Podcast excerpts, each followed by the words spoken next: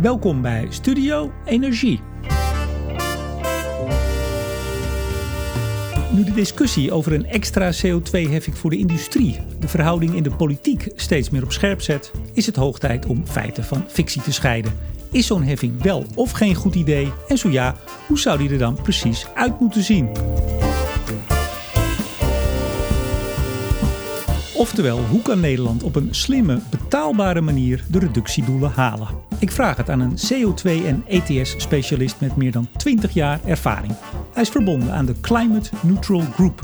Mijn gast is Jos Kozijnse.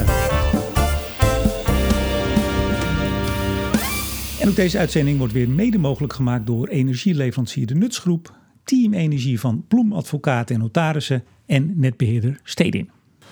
Meneer Kozijns, hartelijk welkom. Hoi. U bent carbon specialist bij de Climate Neutral Group in Utrecht. Daar zitten we nu ook. Yes, welkom. Uh, uitzicht op de Dom. Mm Al meer dan 20 jaar uh, actief, hè? Ruim 20 jaar, meer dan. In de emissiewereld, de, Ja. de koolstofwereld. Zeg dat niet te veel, want ik doe het niet goed genoeg, denk ik. Het duurt allemaal zo lang. Ik leg het niet goed uit. In de jaren 90 al uh, beleidsadviseur klimaatverandering bij het ministerie van Vrom. Volgens mij bent u zo'n beetje bij alle uh, internationale VN-klimaatconferenties geweest. Bijna allemaal. Ik heb Eentje- er één eentje? gemist. Ja. De eerste. Ja, toen werd mijn dochter geboren, vertel ik overal. En dat is ook, die kwam een paar weken te vroeg. Ik had het goed gepland. Maar goed, dat is een goede reden om er eentje te missen. Dus ik heb er eh, 24 gevolgd. We gaan het straks natuurlijk over alles hebben. Over het ETS, over CO2-heffing en alle tumult uh, in Nederland. Gaan we in detail over praten. Maar hoe kijkt u even nu, voor we beginnen... Hoe kijkt u naar al die ophef op dit moment in de politiek, in de media? Ja, met verbazing. En ik ben heel blij dat er heel veel aandacht voor is. Voor het werk wat je dagelijks doet is dus heel veel interesse. Er wordt heel veel over gesproken. Maar we komen geen stap verder. Dat vind ik ontzettend jammer. Het is ontzettend politiek. Uh, het is heel gefragmenteerd. Dat het eigenlijk zo makkelijk op te lossen is. Dat vind ik jammer. U twittert, daar kennen we elkaar ook een klein beetje van. U schrijft columns. En ik moet zeggen, uh, u zegt aan het ETS werkt eigenlijk heel goed. Hè? U hebt een wat contraire mening, zou ik maar zeggen. Voelt u zich niet wel eens een roepende in de woestijn? Dat beeld heb ik af en toe een beetje. Nou, ik voel wel dat, uh, dat het aan begint te komen, die boodschap. Uh, ik merk ook bij mijn rondreis nu bij Kamerleden... om toch uit te leggen hoe emissiehandel werkt. Zeggen ze, meneer Kozijns, u zegt dat het naar 43% naar beneden gaat. Wie zegt dat anders? Hoe komt dat? Waarom weten wij dat niet?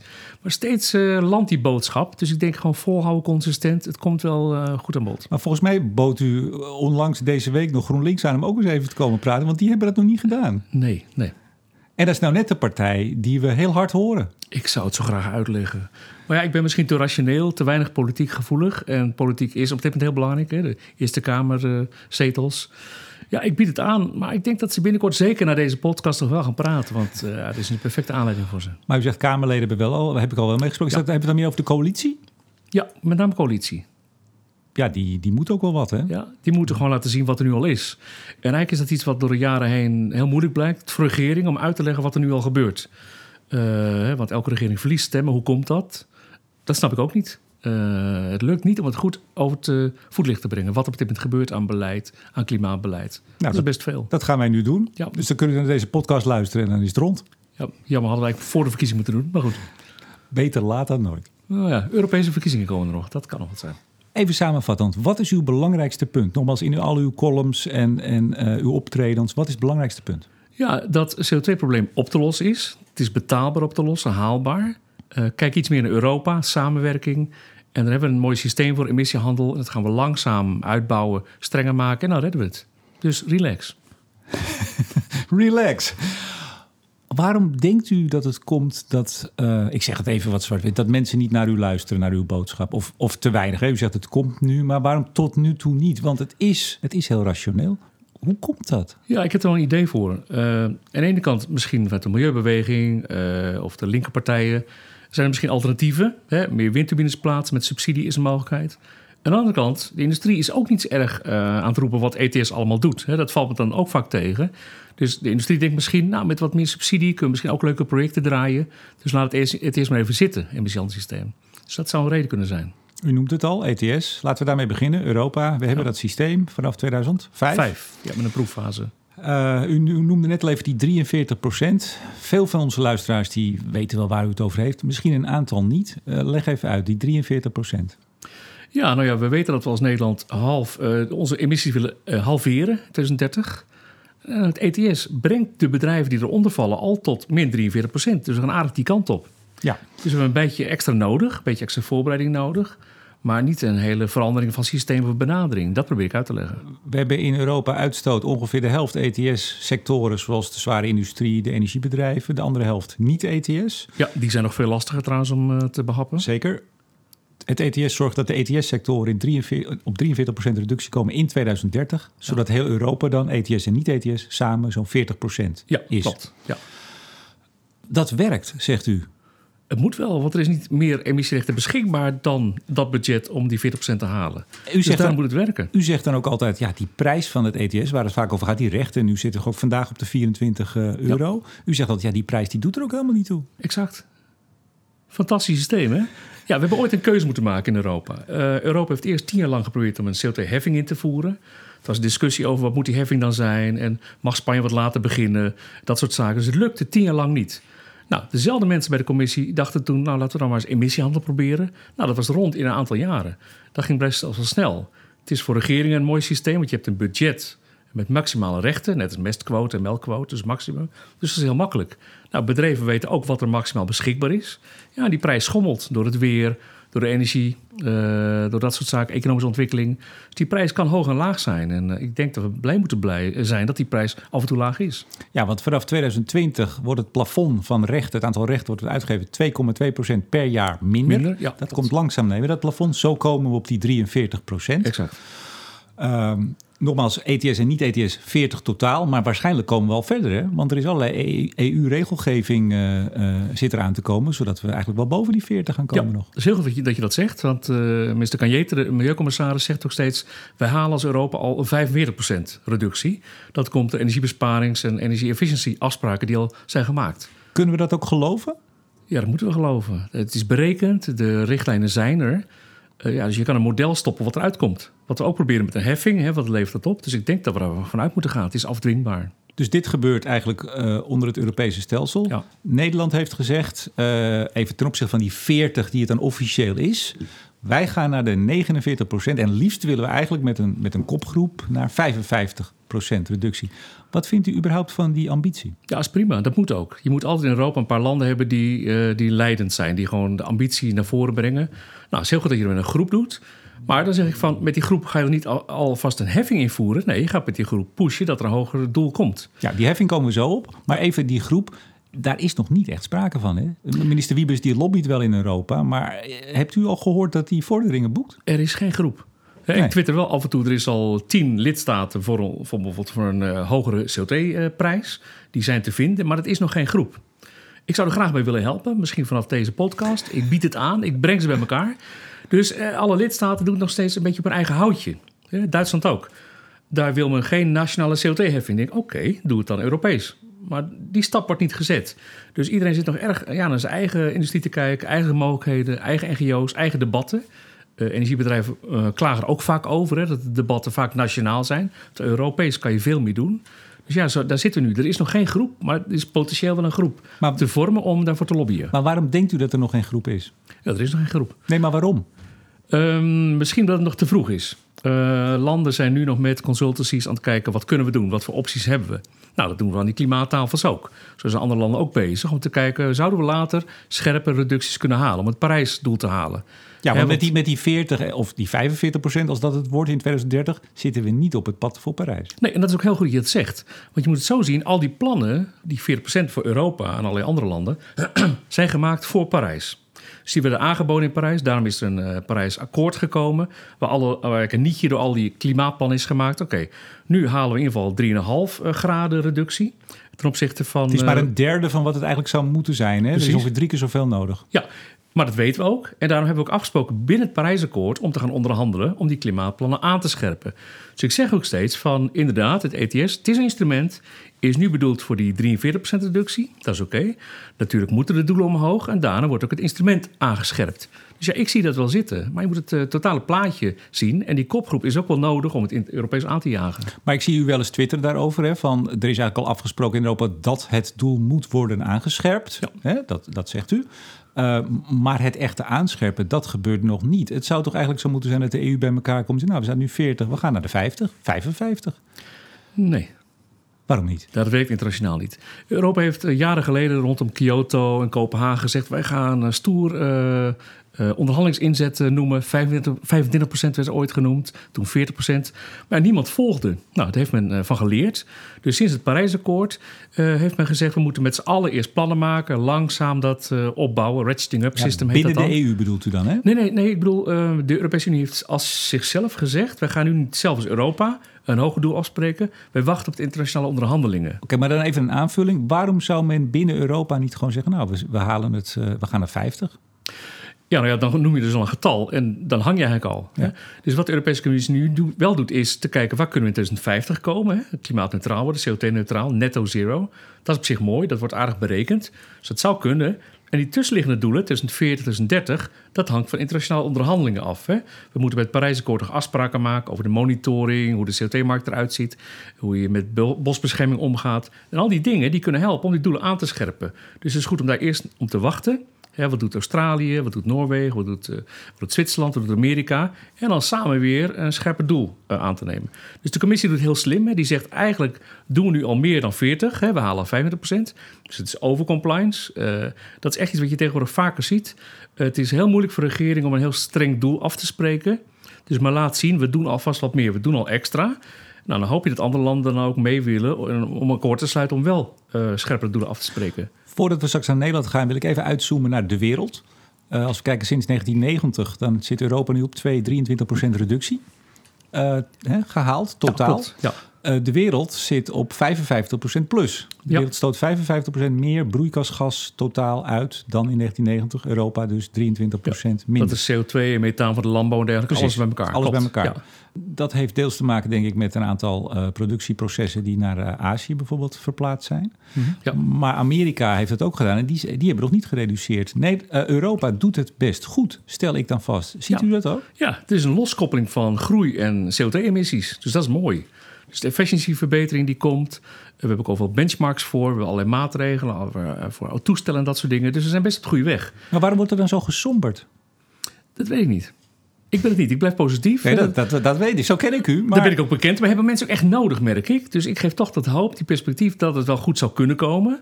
Die mogelijkheid is er. Alleen ja, je moet het eerst nog politiek rondbreien. Dat zien we in Nederland ook. Van zie het maar eens eens te worden. Nou, dan moet je binnen Europa eens worden, dan mondiaal. Dat is best lastig, maar het kan wel. Maar je moet wel die stappen op een goede volgorde uh, zetten. Maar Europa loopt dan voorop in de wereld. En Nederland wil binnen Europa daar dan weer voorop lopen. En daar hebben we nu de hele politieke ophef over ja, hoe we dat dan moeten handig. doen. Dat is niet handig.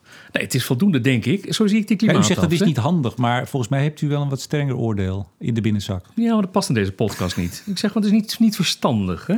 Uh, nee, wat ik, zo, ik zie de klimaattafels als volgt. Hè. Ik zie het als wij alle sectoren gaan kijken.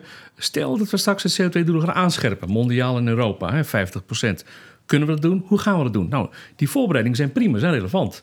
Maar dan ga je natuurlijk nog niet extra subsidie nu geven. Hè? Dat kost jou en mij belastinggeld. Daar ben ik niet zo voor. Ga het goed oefenen. Ga op tijd beginnen. Doe heel veel no-regret maatregelen. Bereid je voor. Ga dan lobbyen op die aanscherping en dan komt het vanzelf goed. Dus ik kan me wel voorstellen dat je zegt van nou, doe wat extra subsidie voor innovatie, nieuwe dingen. Maar overdrijf het niet. Hè? We moeten er wel naartoe met z'n allen. Bereid het goed voor. Uh, maar ja, ga nog niet vooruit lopen. Wel vooruit denken, maar niet vooruit lopen, zou ik zeggen. U zegt dan komt het goed. Dat ETS komt sowieso goed, want er zijn op een gegeven moment niet meer rechten. Dus als Ja. het ETS-doel wordt aangescherpt en we gaan niet van 2,2% minder per jaar, maar misschien wel 3 straks. Hè, Ja, hoe- 2,5, 2,7. Hoeveel Ja. maar nodig is. Maar het niet-ETS, komt het daar ook goed mee in Nederland? Nou, daar maak ik me grotere zorgen om. Ja. Dat Precies. is eh, erg moeilijk. Dat is landbouw, verkeer. Nou, die emissies stijgen enorm. Gebouwde omgeving? Gebouwde omgeving. Nou, dat gaat met gas misschien op een andere manier. Dus daar maak ik veel meer zorgen over. Want ja, die 400 ETS-bedrijven, dat is goed te behappen. Hè? Dus dan zou ik zeggen, laat die jongens eens een keer met rust. Die gaan de goede kant op. Die hebben een lijn. Ga vooral focussen op de andere sectoren. Ja, ik heb toch dan weer dezelfde vraag, want u loopt al zo lang mee. Waarom denkt u dat het precies andersom gebeurt? Dat we alle focus hebben op die ETS-sectoren en helemaal, nou ja, niet helemaal, maar veel minder op de niet-ETS-sectoren. Ja, de andere sectoren, dat zijn jij en ik natuurlijk. Hè. Als we autorijden of treinrijden of eten kopen of een restaurantbezoek hebben, dat is veel diffuser, dat is heel moeilijk grijpbaar. Terwijl die 400 bedrijven met een gra- grote uitstoters, ja, zijn makkelijk aan te pakken. Door NGO's, door de politiek, dus dat is veel zichtbaarder.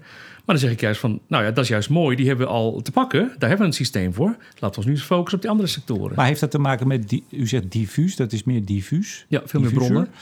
Kan het ook te maken hebben met op het moment dat je daar eh, maatregelen wil nemen, dat je veel dichter bij de burger op de huid komt En hem dus misschien wel moet gaan vertellen dat hij zijn gedrag wat moet veranderen. Dat dingen duurder worden. Terwijl bij de industrie, en dat zien we denk ik ook nu bij met name de oppositie.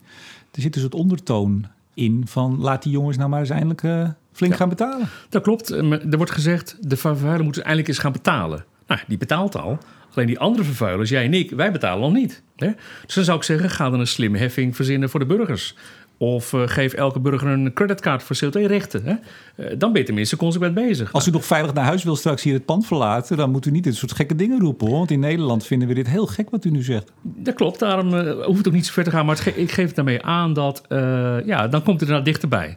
Eh, heffing klinkt goed, de vervuiler moet betalen. Maar dan moeten wij dus aan de pomp meer gaan betalen, voor het stroom meer betalen. Als we een restaurant meer betalen, overal moet je de CO2-kosten eh, bij, bij doorberekenen. Dat, ja, dat is dan de consequentie. Dus dan zou ik zeggen van, ga daar eerst naar kijken, naar de maatregelen, eh, wat je daar kan doen.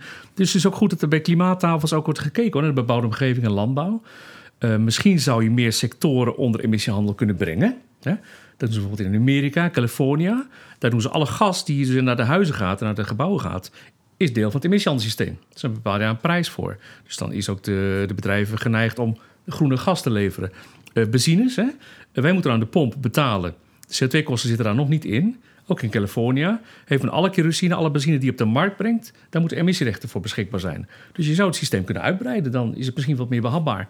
Maar er blijft nog landbouw, verkeer, moeilijke sectoren. Maar wordt er al gesproken in Europa over het uitbreiden van dus meer sectoren onder het ETS Ja, brengen? wordt aan gedacht. Ja.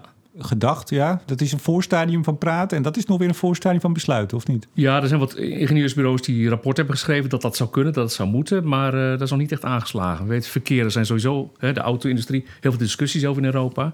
Dus zo snel zal het niet gaan. Eh, ja, misschien zouden wij als Nederland met onze gasbedrijven eh, daar nou, een voorstel kunnen hebben. Laten we gas ook onder emissiehandel laten vallen. Want het is best wel raar, hè? als je nou een huis hebt, je stroom, dat valt onder het emissiehandelssysteem, daar betaal je CO2-kosten voor, en gas nog niet. Nou, is van gas los gaan is heel duur. Hoe komt dat? Hè? Want van stroom los is makkelijker. Dus ja, dan zou je dat misschien eh, elkaar wel moeten combineren. Dus Nederland kan daar misschien wat aanjagen, maar dan weer aanjagen in Europa. Vindt u überhaupt dat er in Nederland, en dan hebben we het vooral ook over de politiek, überhaupt wel naar de EU gekeken wordt? Of kijken we eigenlijk alleen maar tot aan de grenspaaltjes eh, in het oosten en in het zuiden? Ja, we kijken net over de grenzen. Van of het bij die benzinepompen daar niet goedkoper is als Nederland. Daar kijken we naar. Ja, dat wordt- wel. Ja, er wordt veel te weinig naar Europa aangekeken. En daarom vind ik die verkiezingen zo interessant. Eh, bij de landelijke verkiezingen leek het zo te zijn van... nou, wie durft het meeste geld uit te geven aan klimaatbeleid? Die krijgt dan de meeste stemmen. Nou, dat je de provinciale verkiezingen leek Wacht, het wacht haast. even, even terug. U zegt wie, wie durft het meeste geld uit te geven voor Ja. klimaat? Die kreeg de meeste stemmen? Zo leek het haast. Ja, het leek haast alsof de politieke partij die het meeste geld durfde, durft af te- eh, uit te geven aan klimaatbeleid... Ging het niet meer om wie de hoogste ambitie durft uit te spreken? Ja, ambitie, maar het, meestal kost dat heel veel geld, althans bij de verkiezingen. Wij durven miljoenen uit te geven voor klimaat. Stoer. Nou, dan ga jij heel veel stemmen krijgen. Bij de provinciale verkiezingen zag je iets anders. Wie durft het meest op de rem te staan, leek het haast, om stemmen te winnen. Nou, bij Europa hoop ik dat de partijen zeggen... wie is er voor een betaalbaar, haalbaar klimaatbeleid? Ja, want mogen ze wel opschieten, want die verkiezingen die zijn binnenkort. Ja, ik, ik hoor ze nog niet. Nee, nou, dit is misschien een goede start. De campagne begint nu. Haalbaar klimaatbeleid, Europa. Misschien moeten we deze podcast gaan vertalen. Dat is een good idea. Maar, maar, maar toch even, hè. Ehm, we hebben de doorrekening gehad van het concept klimaatakkoord. En het viel Oh ja, daar was ik ook zo over teleurgesteld. Vertel. Kijk, ik laat altijd zien bij eh, emissiehandel. Moet je natuurlijk verder kijken. Want die doelen worden aangescherpt. Dan ga je uiteindelijk naar nul. U laat nu een A4'tje zien met een mooie neergaande lijn. Ja, dat is in ieder geval het perspectief wat emissiehandel biedt. Ja. Ehm, maar toen zei ik heb ook met PBL over gesproken. Ze zeggen, waarom kijk je niet verder? Want het ETS kan aangescherpt worden. Hè? Dan levert dat toch een goed perspectief. Maar zei men van ja, we doen alleen maar staatsbeleid. Ja, dat vind ik zo jammer, want iedereen weet het moet aangescherpt worden. Dus laten we dat nou eens even doorgerekenen. Ja, het, het PBL zegt dus van het is prachtig dat er gesprekken zijn in Europa. En eh, nou, misschien ziet het er wel goed uit, meneer Kozijnse. Maar ja, wij kunnen dat niet meenemen, want wij hebben afspraken over wat we wel en niet in onze doorrekening mogen meenemen. Ja, nou zal het dus wel moeten meenemen en laten zien. En ga, eens dat, ga eens even verder doordenken in het model. Want bij een heffing die is er ook nog niet. Die gaan ze ook doorrekenen. Eigenlijk hebben ze al het beleid wat wordt voorgesteld en de klimaattafels doorgerekend terwijl er nog niks is. Ja. Ze zeggen ook in hun documenten dat ja, we nemen wel mee als de Europese Commissie plannen had. Nou, die heeft ze gewoon. Ze hebben plannen voor eh, 2050.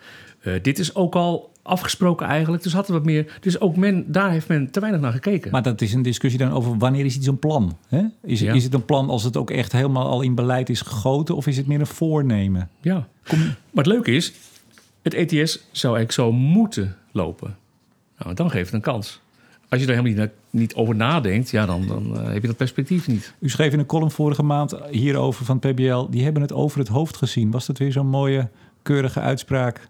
waar u eigenlijk mee bedoelt... ze hebben er gewoon niet naar willen kijken? Ja, ik heb diverse tweets en uh, e-mails gewoon steeds afgezwakt... en toen dan over het hoofd zien. Dus misschien is dat goed. Het ging boven de pet. Maar is, is het toch niet, u bent een optimistisch mens, dat blijkt ook wel uit dit gesprek, maar is het toch niet belangrijk dat u misschien wat sterker dat aangeeft? Want uh, dit is een heel fundamenteel punt natuurlijk. Want we zijn hier bezig om beleid voor de komende nou, twaalf jaar, maar eigenlijk voor ook de periode daarna. Ja. In beweging te zetten. En u zegt ja, een heel belangrijk aspect wordt gewoon niet meegenomen. Ja, nou, mijn missie is om het eerst uit te leggen en daar veel tijd in te stoppen met uh, tweets, journalisten spreken. En ik merk altijd als ik met een journalist spreek of een politicus dat ze heel blij zijn om te horen hoe het zit. Alleen ja, dan wordt het daarna toch weer snel vergeten, omdat het in de politieke partijen eh, minder aandacht krijgt, in de programma's. Uh, de bedrijven hebben het er ook niet over, uh, de NGO's hebben het er ook niet over. En daar, daar ben ik dus een beetje bang voor. Hè? Bij het energieakkoord gebeurde precies hetzelfde. In 2013? Ja. Bij het energieakkoord zeiden de NGO's, we willen meer windturbines hebben. De bedrijven zeiden, oké, okay, laten we meer windturbines bouwen. Want die dachten, ja, straks moeten we emissiehandel aanscherpen met hogere prijs. Daar hangen we misschien, dus laten we maar veel geld stoppen in windturbines. Nou, mooi. Uh, jammer dat er niks over het ETS in stond. Nou, daarna is het ETS aangescherpt. Er stond überhaupt niets in over uh, uitstoot? Nee. Bijzonder, hè? Nou, nu bij het klimaatakkoord dacht ik, eh, eindelijk gaat het over het klimaat. CO2, uh, daar gaat het met name om. Dus dan moet je natuurlijk in het klimaatakkoord afspreken. Hoe gaan we het ETS aanscherpen? Hè? Voor de bedrijven scheelt dat een CO2-heffing. Laat zien wat het pad is waar je op voorbereidt. En voor de NGO's denk ik ook. Nou, eindelijk komt er een scherper ETS. Maar ja, men blijft hangen in de eigen budgetten. Er moet ook meer geld gaan naar de industrie. Dan zegt de NGO's, ja, dan moet het van de bedrijven afkomen. Zeg van jongens, allebei is niet nodig. Maar, maar, maar even meneer Kozijnse, uh, u zegt, daar stond niks in over de aanscherping van het ETS. Eén, dat kan Nederland helemaal niet in zijn eentje. Ja, je kunt er iets over zeggen, maar dat stond in het regeerakkoord. We willen eigenlijk, nou niet zozeer ETS, maar we willen in Europa naar die 55 procent. Ja. Wat vindt u daarvan? Is dat onvoldoende of is dat... Nee, dat is een goeie. Dat vind ik wel belangrijk. En dat stond ook nog in de brief van de Tweede Kamer. Hè? Want we moeten naast uh, die 49 alvast naar 55% kijken. Ja, daar is, niet, daar is niet over gehad. Het is jammer, want als je die stap ook had genomen... dat had je gezien, oh, maar daar hebben we wel Europa voor nodig. Maar hoe, terugrekenen. maar hoe had dan in dat ontwerp klimaatakkoord... wat had er dan wat u betreft moeten staan over aanscherping van het ETS? Ja, maar daar had in moeten staan wat er verwacht... wat, wat het ETS nu doet. Hè, die 43 procent, dat is al heel wat, enorm. Dus een kleine stap is nodig. En wat is er nodig om het ETS verder aan te scherpen? Dus dat in ieder geval voor heel Europa, dus ook voor de concurrentie, dat uh, die forward curve heel helder is. Nou, wat wel mooi is, de Tweede Kamer heeft ook een motie aangenomen voor een minimumprijs voor de veiling van emissiehandel. Dus langzamerhand zie je dat er meer support wordt dat emissiehandel het, ja, het belangrijkste instrument is. Maar goed, er aangenomen motie wil eigenlijk, uh, ik, wil, ik wil niet uw feestje verpesten, maar dat wil eigenlijk nog helemaal niks zeggen. Er worden echt legio moties die zijn aangenomen, worden niet uitgevoerd. Oeh, dat is nou jammer. Ik dacht, ik was er heel blij mee. Ik dacht, het is bijna wetgeving. Nee. Nou ja, maar in ieder geval de Kamer kan aan de minister vragen, wat doe je nou in Europa? Ja, eigenlijk zegt Rutte dat ook steeds. Hè? Ik vind Rutte toch wel aardig toe dit, dit, dit punt. Hij zegt, ik ben met Macron bezig om het Europese doel aan te scherpen. Nou, hartstikke belangrijk. Hij zegt ook, in die gesprekken met Europese lidstaten praat ik over aanscherping CO2-prijs. Dus hij zegt precies de goede dingen. Nou, dan hoop ik dat dat ook bij, later in de brief aan de Kamer over het klimaatakkoord, dat dat ook erbij wordt. Nee, dat er over gesproken wordt, dat zal ongetwijfeld, dat zal kloppen. Maar het gaat natuurlijk om, wordt daar vordering geboekt? Ja, men praat ook over CO2-heffingen. Daar komen we zo op. Uh, u zei van, eigenlijk zou in dat ontwerp klimaatakkoord hebben moeten staan... waar zijn we nu met het ETS? Ja. Wat gaat dat al doen? En dan vervolgens ook, vul ik maar even aan, wat moet het worden? Ja. Um, ik, ik, leg u misschien... zo simpel is het. Ja, nou ja, nou, ik, ik kom iets... De media uh, pikken het op. Ik, ga iets inbrengen waardoor het misschien wel iets minder uh, uh, lijkt. Uh, u weet, D66 die, uh, die zegt, uh, dat is toch de klimaatpartij. Hebben ook als een van de weinige partijen bij de Tweede Kamerverkiezingen in 2017 echt wel op klimaatcampagne gevoerd. Er hingen posters aan de stations voor een goed klimaat. D66. Mm -hmm. um, hebben sommige partijen, zeg ik dan maar wat neutraal, er geen belang bij om juist dat gat tussen wat er in Europa gebeurt en wat er dan in Nederland voorop in de strijd, klimaatleider in de wereld, zegt D66, om dat gat juist groter te maken? En te zeggen, kijk eens 40, wij gaan naar bijna 50. Kijk, ons eens goed bezig zijn. Ja, dat zou En dus dat ze met uw kijk eens, we, zijn al, we gaan al naar 43 in ETS. We gaan Hmm. waarschijnlijk naar 45 totaal. Ja, dan is die, die glimmende ambitie van D66, die verbleekt dan een beetje. Dan valt het wel een beetje tegen misschien. Dus het is gewoon heel, heel slim onderhandelen. Dat ik dat niet heb gezien. Dus die- ze hebben expres gezegd, we doen niks. Kijk eens wat wij voor stappen maken. En stiekem worden die stappen al gemaakt. Ja. Nou, misschien is dat het dan wel. Nou, Is het dan, dan- hoeft die heffing ook niet aan. Is het dan voor de bühne? Eh, veel is voor de bühne, veel is om stemmen te krijgen. Eh, mijn analyse voor de provinciale verkiezingen was als volgt. Hè. Eh, eigenlijk heeft GroenLinks een hoop stemmen gewonnen... omdat men die, dat kabinet helemaal niet ziet zitten. En die wil een CO2-heffing. Maar de VVD heeft ook heel veel gewonnen... omdat men denkt, nou, redelijk klimaatbeleid, betaalbaar, haalbaar, is ook goed. En de rechterzijde... VVD gewonnen? Ja, stemmen toch? Nou ja, ze hebben nog een hoop stemmen overgehouden, zou ik maar zeggen. Oh, kijk, oh, ze hebben weinig verloren bedoel Ja, je? dus ik bedoel eigenlijk, veel stemmen gingen naar GroenLinks. Beleid met een CO2-heffing tegen het kabinet. Ik dacht even dat u een andere stemmen. verkiezing had, eh, had meegemaakt dan ik. Maar Ja, goed. nou, veel stemmen gingen de VVD. Die zeggen, nou, eh, met deze, dit klimaatbeleid is wel haalbaar en betaalbaar. En de rechterzijde wil men geen klimaatbeleid. Nou, dat kan ook. die nou, dus dan zeg ik het gulden middenweg. Ja, maar even nog, even nog naar die heffing. Dat is waar het nu over gaat. Hè? Eh, wij zitten hier op vrijdag, nemen we dit op. Gisteren was GroenLinks grote ophef, kiezersbedrog, eh, et cetera. E- e- even die extra heffing, da- da- daar gaat het nu. Wat vindt u überhaupt even van extra heffing? Even als principe, bovenop het ETS. Mm, ja, het is niet echt nodig voor de CO2-reductie. Ja, want die, die Nou, wel zit- als je, naar, als je naar 49% wil en de rest ja, nog. dat zou kunnen. Nou, laten we dan een compromis maken. Hè, van, eh, in mijn visie is het niet nodig een heffing, want het ETS wordt aangescherpt. Gaat die prijs omhoog en dan, dan halen we die 50% ook al in Ook als Europa. de prijs niet omhoog gaat, maakt niet uit. Er zijn gewoon minder rechten. Precies. Dus met RTS, als we het aanscheppen, zou we het kunnen halen. Nou, wat moet je dan van tevoren nog doen? Nou, dan zou je kunnen zeggen, misschien een tijdelijke heffing. Dat zou een idee zijn. Want dan heb je ook druk erop van nou, aan de industrie en NGO's... knok voor die eh, aanscheppingen van het ETS... want dan hoeven die heffingen in Nederland niet te betalen. Want voor jou en mij wordt het uiteindelijk wel duurder. Dus dat zou een tijdelijke kunnen zijn. Nou, dan is de vraag hoe hoog wordt Om die ze in dan? beweging te krijgen, internationaal. Ja, en ook om iets zichtbaars te laten zien. Hè? Want ja, oké, dan betaalt men meer. Het is zichtbaar, het is een bedrag. Je kan het recyclen. Ja, ingewikkelder wordt het wel. Maar goed, in ieder geval is het zichtbaar en tastbaar. En als je zegt van we doen het tijdelijk om druk op de internationale onderhandelingen te zetten met die kopgroep, ja, dan zit er nog wel wat in. Dan is er ook wat te winnen. En want als je die voor altijd die heffing hebt, ja, dan ben je natuurlijk eh, ben je de klos, denk ik. Maar als je zegt we gaan het tijdelijk doen en we gaan het ook nog verstandig doen, hè, dus beperkt. Ja, dan is er nog wel wat voor te zeggen. Maar dan zou ik zeggen van stop dat geld dan in het warmtefonds. Hè, om huizen eh, eh, duurzamer te maken. Wat is het? Ja, want ik zag u, ik zie u dat vaker Ja, twitteren. ik hou Wat is het warmtefonds. warmtefonds? Het is er nog niet. maar het wordt het fonds waarop dus bewoners... eh, In uw eh, hoofd is hij er al. ja, er moet een warmtefonds zijn. Wat als je zegt van nou, het is te duur voor bewoners om die huizen te vergroenen, van gas los te gaan. Dan moet er gewoon een warmtefonds zijn. En dan gaan gemeenten kijken welke wijk eerst. Nou, het warmtefonds gaat dat dan helpen betalen. Nou, als de heffing daar wordt, aan wordt besteed, dat zou prima zijn. Ja, want de industrie heeft ook niet al die gelden nodig voor innovatie, vind ik. Want ja, elke industrie weet, als je in het ETS zit, wordt aangescherpt, dus bereid je maar voor. Hè, hoe mooi zou het zijn? Als je nu al naar de nul gaat, zit je later goed. Kan je emissierechten verkopen. Dus dat zou alleen maar heel slim en strategisch beleid zijn van bedrijven. Dus ja, beperk die subsidiedrang, zal ik maar zeggen, en geef het geld aan het warmtefonds.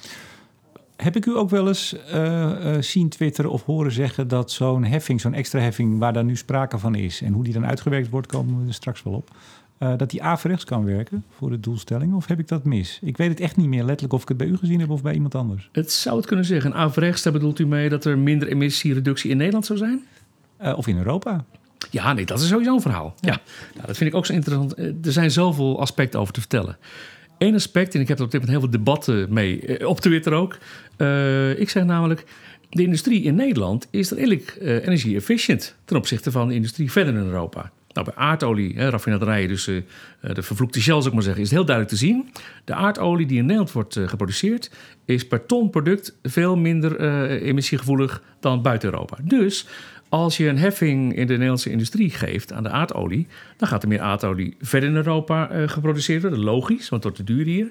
Maar dan zal je zien dat er elders voor dezelfde eh, liters olie meer emissies vrijkomen. Dus dat bedoel ik met contraproductief. Hè, dus eh, de industrie hier straffen betekent meer emissies in Europa. Ik zeg ook straffen ergens anders, want eh, het CBS heeft onlangs een rapport gemaakt hè, over de emissieintensiteit van de Nederlandse industrie. Maar ze zeiden met name eh, intensief eh, per verdiende euro. Dus kennelijk eh, heeft de industrie zoveel kosten in Nederland dat men per verdiende euro heel veel CO2-emissies heeft. Nou, dat interesseert me eigenlijk niet zo. Ik zit meer te kijken naar hoeveel ton emissies zijn er bij ton product. Nou, en die zijn redelijk voordelig voor de industrie. En dat komt ook omdat we hebben jaren geleden een benchmarking convenant gehad om energy efficiency te verbeteren. Nou, dat is goed aangeslagen bij de industrie. Uh, dus ja, dan zeg ik van als je de industrie in Nederland te hard aanpakt, gaat niet alleen de productie weg, maar wordt die ook, leidt die tot hogere emissies elders. Nou, daar is discussie over. Is het nou wel zo, meneer Kozijnse? Nou, aan de ene kant is er een neiging om onze industrie uh, vies jongetje van de klas te noemen. Dat, dat kan niet zijn. Maar ik ben wel benieuwd naar de getallen erover. En daar gaan meer studies over verschijnen. Hè, want de emissieautoriteit in Nederland, die voor de komende periode de emissierechtenallocatie moet bepalen, die gaat precies die getallen zien. Hoe efficiënt is de Nederlandse industrie? Ik ben heel benieuwd naar. Ja, de industrie zegt zelf, zij altijd, laat ik het zo zeggen, dat zij heel erg uh, efficiënt waren en in de top van, ja. de, van, de, van de klas uh, behoorden. Nu dat een rol gaat spelen, die ETS benchmarking, bij het ja. uh, invoeren van een heffing, zou je dan ook zeggen dat ze zich daar niet zo druk over hoeven te maken. En uit het feit dat ze zich wel heel erg druk maken, zou misschien ook wel kunnen blijken dat ze helemaal niet zo ontzettend efficiënt zijn. Ja, dit is ook zo. Die benchmark, dat is die efficiëntienorm hè, van het Europese emissiehandelssysteem is zo uitgerold. Uh, de energiebedrijven krijgen geen rechten meer gratis. Dus elke ton die men uitstoot moet je voor betalen. Industrie die krijgt dan voor een groot gedeelte wel emissierechten gratis. Op grond van een efficiency benchmark. Dus voor zoveel ton staal krijg je zoveel ton emissierechten. Dat heb je op een papier en chemie heb je dat ook zo. Maar de meeste bedrijven zitten boven die benchmark. Die hebben meer emissies. Dus alle bedrijven moeten bijkopen.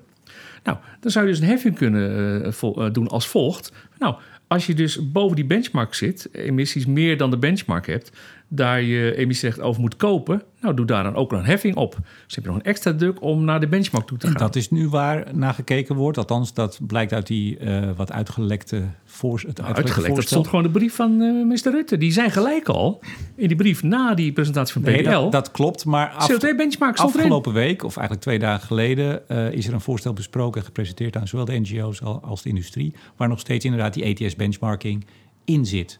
Maar het feit dat de industrie zich daar ontzettend uh, over opwindt, nogmaals, nogmaals, dat betekent dan toch ook dat ze helemaal niet zo efficiënt zijn. En dus waarschijnlijk ver boven die, of veel boven die benchmark zitten. En daar dus een flink bedrag over moeten gaan betalen. Want dat stond ook in de notitie. Het kabinet denkt dan wel om daar echt een flink hoog bedrag op te ja. gaan zetten. Nou, daar komt dus een mooi compromis uit. He, dus zal Tata niet uh, 20 euro extra maal 5 miljoen ton moeten betalen. Maar misschien 20 euro maar een paar honderd miljoen ton. Dus dat is dan betaalbaarder. Maar u zegt een, een, mooi compromis, maar u ziet ook hoe het in de politiek op dit moment gaat. Uh, het is misschien nog wel de vraag, en dan ben ik misschien wat somber, of er uh, over een half jaar nog een kabinet zit.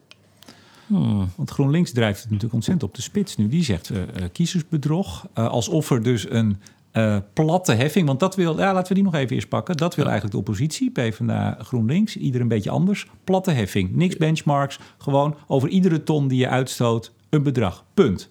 Ja, briljant idee is wel plat, hè? Want het betekent dat eh, de industrie die nog rechten gratis krijgt, daar ineens een heffing over moet betalen. Terwijl de rest van Europa dat niet hoeft te doen, hè? Dat is voor de u vindt dat geen briljant idee? Nee, ik vind het onbriljant. Nee, ik, vind het, ik vind het gewoon te plat. Omdat dan, dan laat je dus niet zien dat er al een ETS is, hè, met emissierechten en prijs. Bouw dan daar een heffing bovenop. Dat kan ik me voorstellen. Maar ga niet net doen alsof er niks is. Dus die, die CO2-benchmark, als je daar bovenop zit, daar extra voor betalen. Nou, dat vind ik een goed compromis. En een nieuw kabinet of niet, ja, het ETS, dat is er nog steeds. Nee, maar en die u, heffing, ja, maar sorry, niet zomaar ziet, bij een ander kabinet erdoor Ja, maar u ziet in de politiek dat het een, uh, misschien helemaal niet meer over de inhoud gaat. Die geef ik dan maar even. Ja. Het gaat over het symbool. Iedereen die uitstoot moet meer gaan betalen. Die moet boete doen, eigenlijk. Ja? Nou, dat is ja, een beetje zoals ik het opvat. Dat klinkt veel te makkelijk. We moeten toch van de emissies eh, af? Daar gaat het om. Want straks betalen we allemaal heffingen en blijven er ook emissies houden. Dat is nog steeds een, geen garantie op succes natuurlijk. Laat ik het u dan anders zeggen. Denkt u dat GroenLinks bezig is om de emissies op een verstandige manier naar beneden te brengen? Of is GroenLinks bezig om uh, meer zetels te krijgen? Ik heb nog geen ton zien dalen door die CO2-heffing uh, aanpak. Uh, maar ja, als je kijkt naar hun eigen wetsvoorstel. Hè, want GroenLinks is natuurlijk een heel groene partij. Dus die geloof ik ook hartstikke. Ze willen goed klimaatbeleid hebben. Misschien gaat er wel iets fout bij de analyse van emissiehandel. Want in de memorie van toelichting staat nog heel duidelijk... er is ontzettend overschot in Europa, daarom zijn de prijzen zo laag. Nou, dan heeft men toch de ontwikkeling van Bas Eickhout in Europa gemist...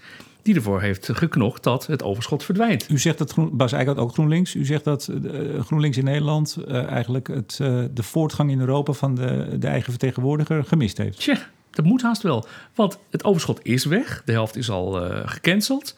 de rest verdwijnt geleidelijk... Eh, de prijzen inmiddels omhoog, op een normaal niveau. Dus ik zeg ook steeds, het ETS is nu klaar om meer ambitie te krijgen.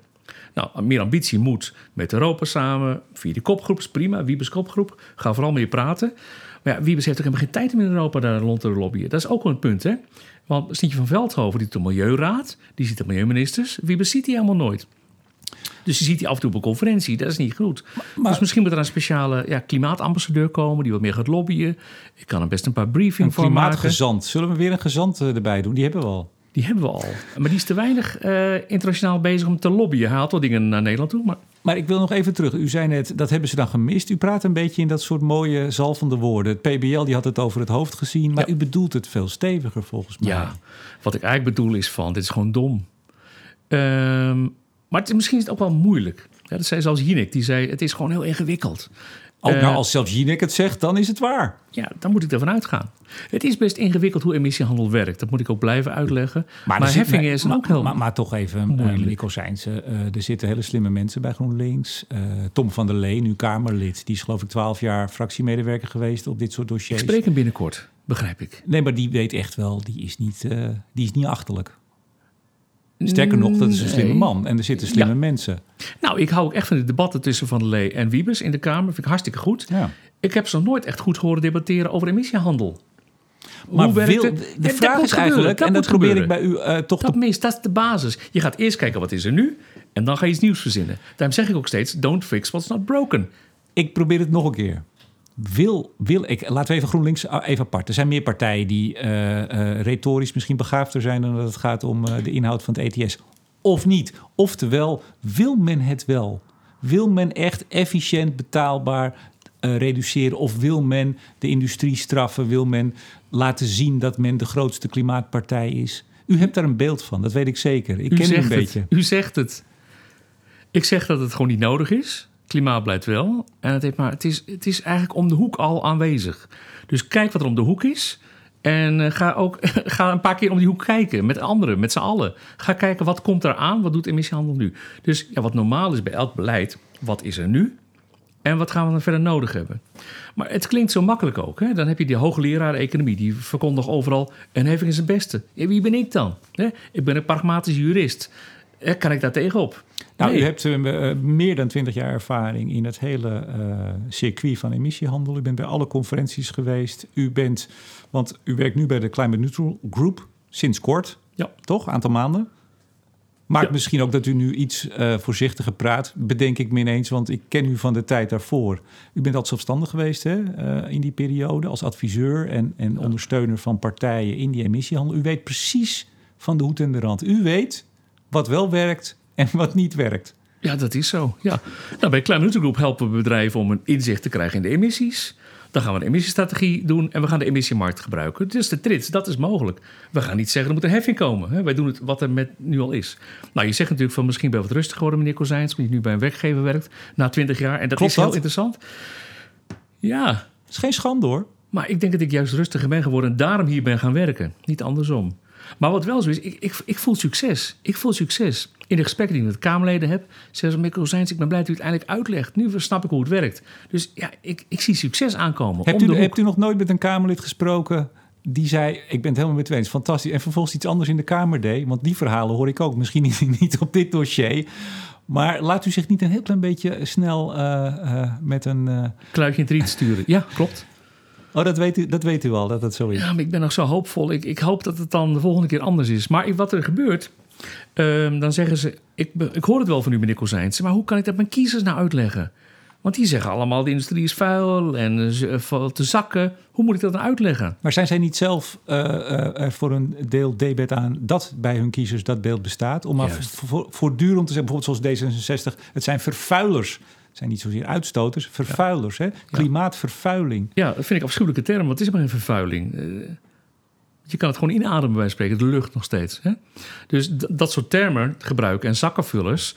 ehm, dat werkt heel erg negatief naar de breinen toe. Eh, neem nou de pubers die op straat komen nu. Hè? Die denken echt dat de aarde over tien jaar er niet meer is.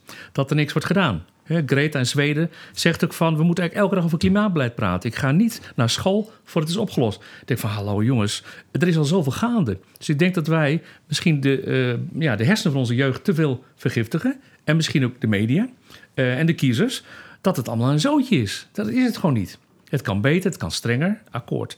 Maar vergiftig uh, ja, de beelden niet. Dat gebeurt te veel. Nou, een breder punt is eigenlijk dat ja, de politieke partijen en de leiders... die zeggen wat de kiezers willen horen, lijkt het. En eigenlijk moet er natuurlijk een leider moet natuurlijk zelf leiden. En dan, dan gaan de kiezers volgen. Dus er is geen enkele politiek leider nu die op compleet wordt omarmd door de kiezers. Omdat men een goed ja, verhaal heeft. Men heeft een verhaal wat dan aansluit bij de kiezer. Ja, dat schiet niet op, denk ik. U noemde hem al even net terug in het gesprek. De gulden middenweg. De oplossing. Nou ja, nou, ik, ik de gulden moet terugkomen. Althans, de gulden middenweg moet terugkomen. Dat was een grapje, meneer Kozijnse. Maar even serieus, tot slot. Uh, schets even uw plan. Minister Kozijnse, in kabinet Kozijnse 1. Morgen in Torentje, of nou, ja. u pakt er van alles bij. U wordt ook minister van Klimaat, et cetera. Even serieus, hoe gaan we het doen? Ja, nou, ik zou eerst kijken, wat gebeurt er nu? Hè? Uh, dat, dat, weet u. Dat weet u als het beste. Ja, maar ik ga toch een ronde tafel organiseren. Toch even kijken. Met de partijen erbij. En van wat doet het ETS wel, wat doet het niet. Nou, best waardevol toch? Wat hebben we nu? Nou, en dan gaan we naar de klimaattafels kijken. Oké, okay, dit zijn goede plannen. Dus we kunnen de emissiereducties aanscherpen. Hartstikke goed. We gaan lobbyen bij andere landen. Wat zijn daar de uh, aspecten? Wat kan men daar? Nou, zijn we er klaar voor? Kunnen we 10% meer? Kunnen we 50%? Goed. Nou, dan gaan we het nu proberen internationaal ook rond te breien. Internationale onderhandelingen. En zodra eigenlijk uh, ja, de hamer erop valt, we gaan de target vaststellen, dan kunnen we gewoon aan de slag. Ja, maar dan steek ik toch even een, een stok tussen de spaken. Die landen doen niet mee. En u hebt uw kiezers beloofd, als uh, lijsttrekker Kozijnse, dat wij meer gaan doen dan Europa. Wij gaan naar die 50%, maar de andere landen doen niet mee. Dat is de situatie. Nou, we gaan meer doen met Europa, niet dan Europa. Oké, maar wat dan, als de andere landen niet meedoen? Dan doen wij het denk ik ook niet. Ja, het klinkt misschien raar, maar dan moeten we misschien andere dingen doen. Misschien bomen aanplanten of meer nieuwe fietsen uitvinden die ook helpen. Ja, je gaat jezelf toch niet uh, uit de markt prijzen door hier alles duur te maken, ons straatje schoon te vegen, groen te vegen, dat het klimaatprobleem niet wordt gered. Dan moet je iets anders verzinnen. Dat, dat meen ik serieus. Nou, dat heb je ook met die Urgenda-uitspraak. Van laten we vooral in Nederland heel veel dingen doen. Of we de stroom uit het buitenland halen, maakt niet uit. Dat vind ik verkeerd. Dus echt klimaatbeleid betekent mondiaal, ook in het buitenland acties uh, ondernemen.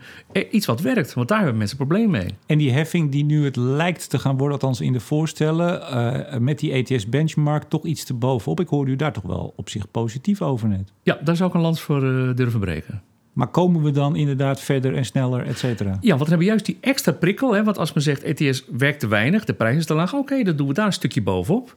Hè, van wat je we kunt reduceren maar dan krijgen we toch die weglek die u eigenlijk net zelf zegt. Ik, ik ben nu even een beetje... Eh, ja, maar daar moet je dus beperken.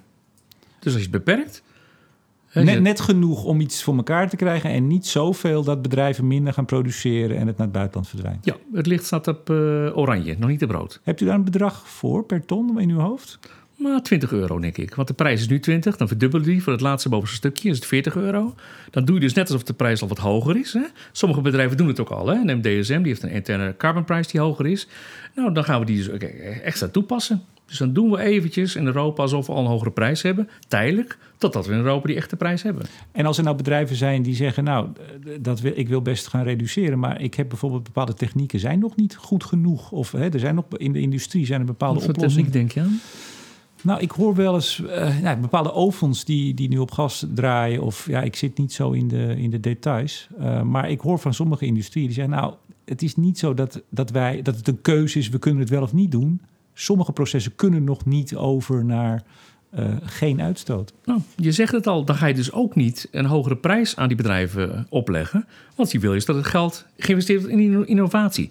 Dus daarom had ik zo'n bezwaar. Nee, maar als zij nou ook, als ja? toch even, als zij nee, nou toch het is er bovenop, niet, de, bovenop de, uh, ja. dus het is geen vlakke heffing, die hebben we sowieso niet, ja. hè? Dat wil u niet.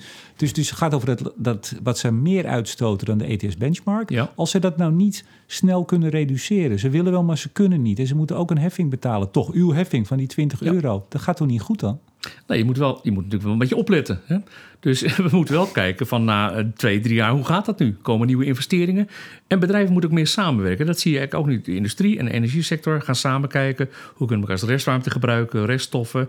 Dus slimmere samenwerkingen, ja, dan is het al mogelijk. Maar ook dat las ik in dat voorstel wat dus van de week op tafel lag door het kabinet. Dat de minister ook moet kunnen kijken dat op het moment dat een sector het niet lukt, gewoon het kan niet fysiek omdat het nog niet zo ver is, de techniekontwikkeling, dat ze ook een soort dispensatie krijgen. Ja, dat lijkt me logisch. Want anders heb je alleen maar dan heb je een vervuiler die betaalt, maar nooit kan verschonen. Dat is niet eerlijk. En dan heb je dus die verschuiving naar andere landen in Europa. Dat moet je niet hebben. Maar is het dan zo dat uw voorstel eigenlijk nu uh, het voorstel misschien wel zou kunnen gaan worden? Ja, dus, maar dat kwam al op het moment van die persconferentie van Rutte. Toen zei hij al, nou, het wordt een verstandige heffing. Gebruik maken van een CO2-benchmark. Ik denk, nou, dat is mooi.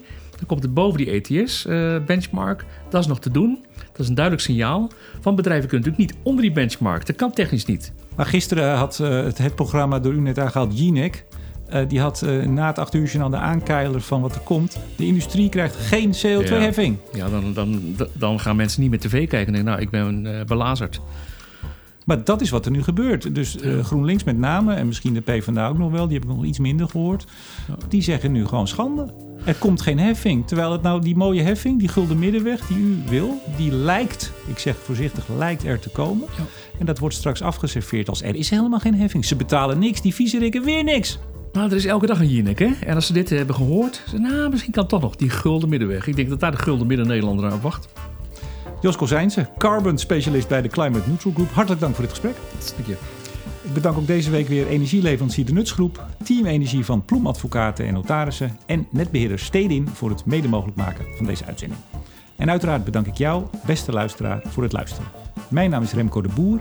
Graag tot volgende week.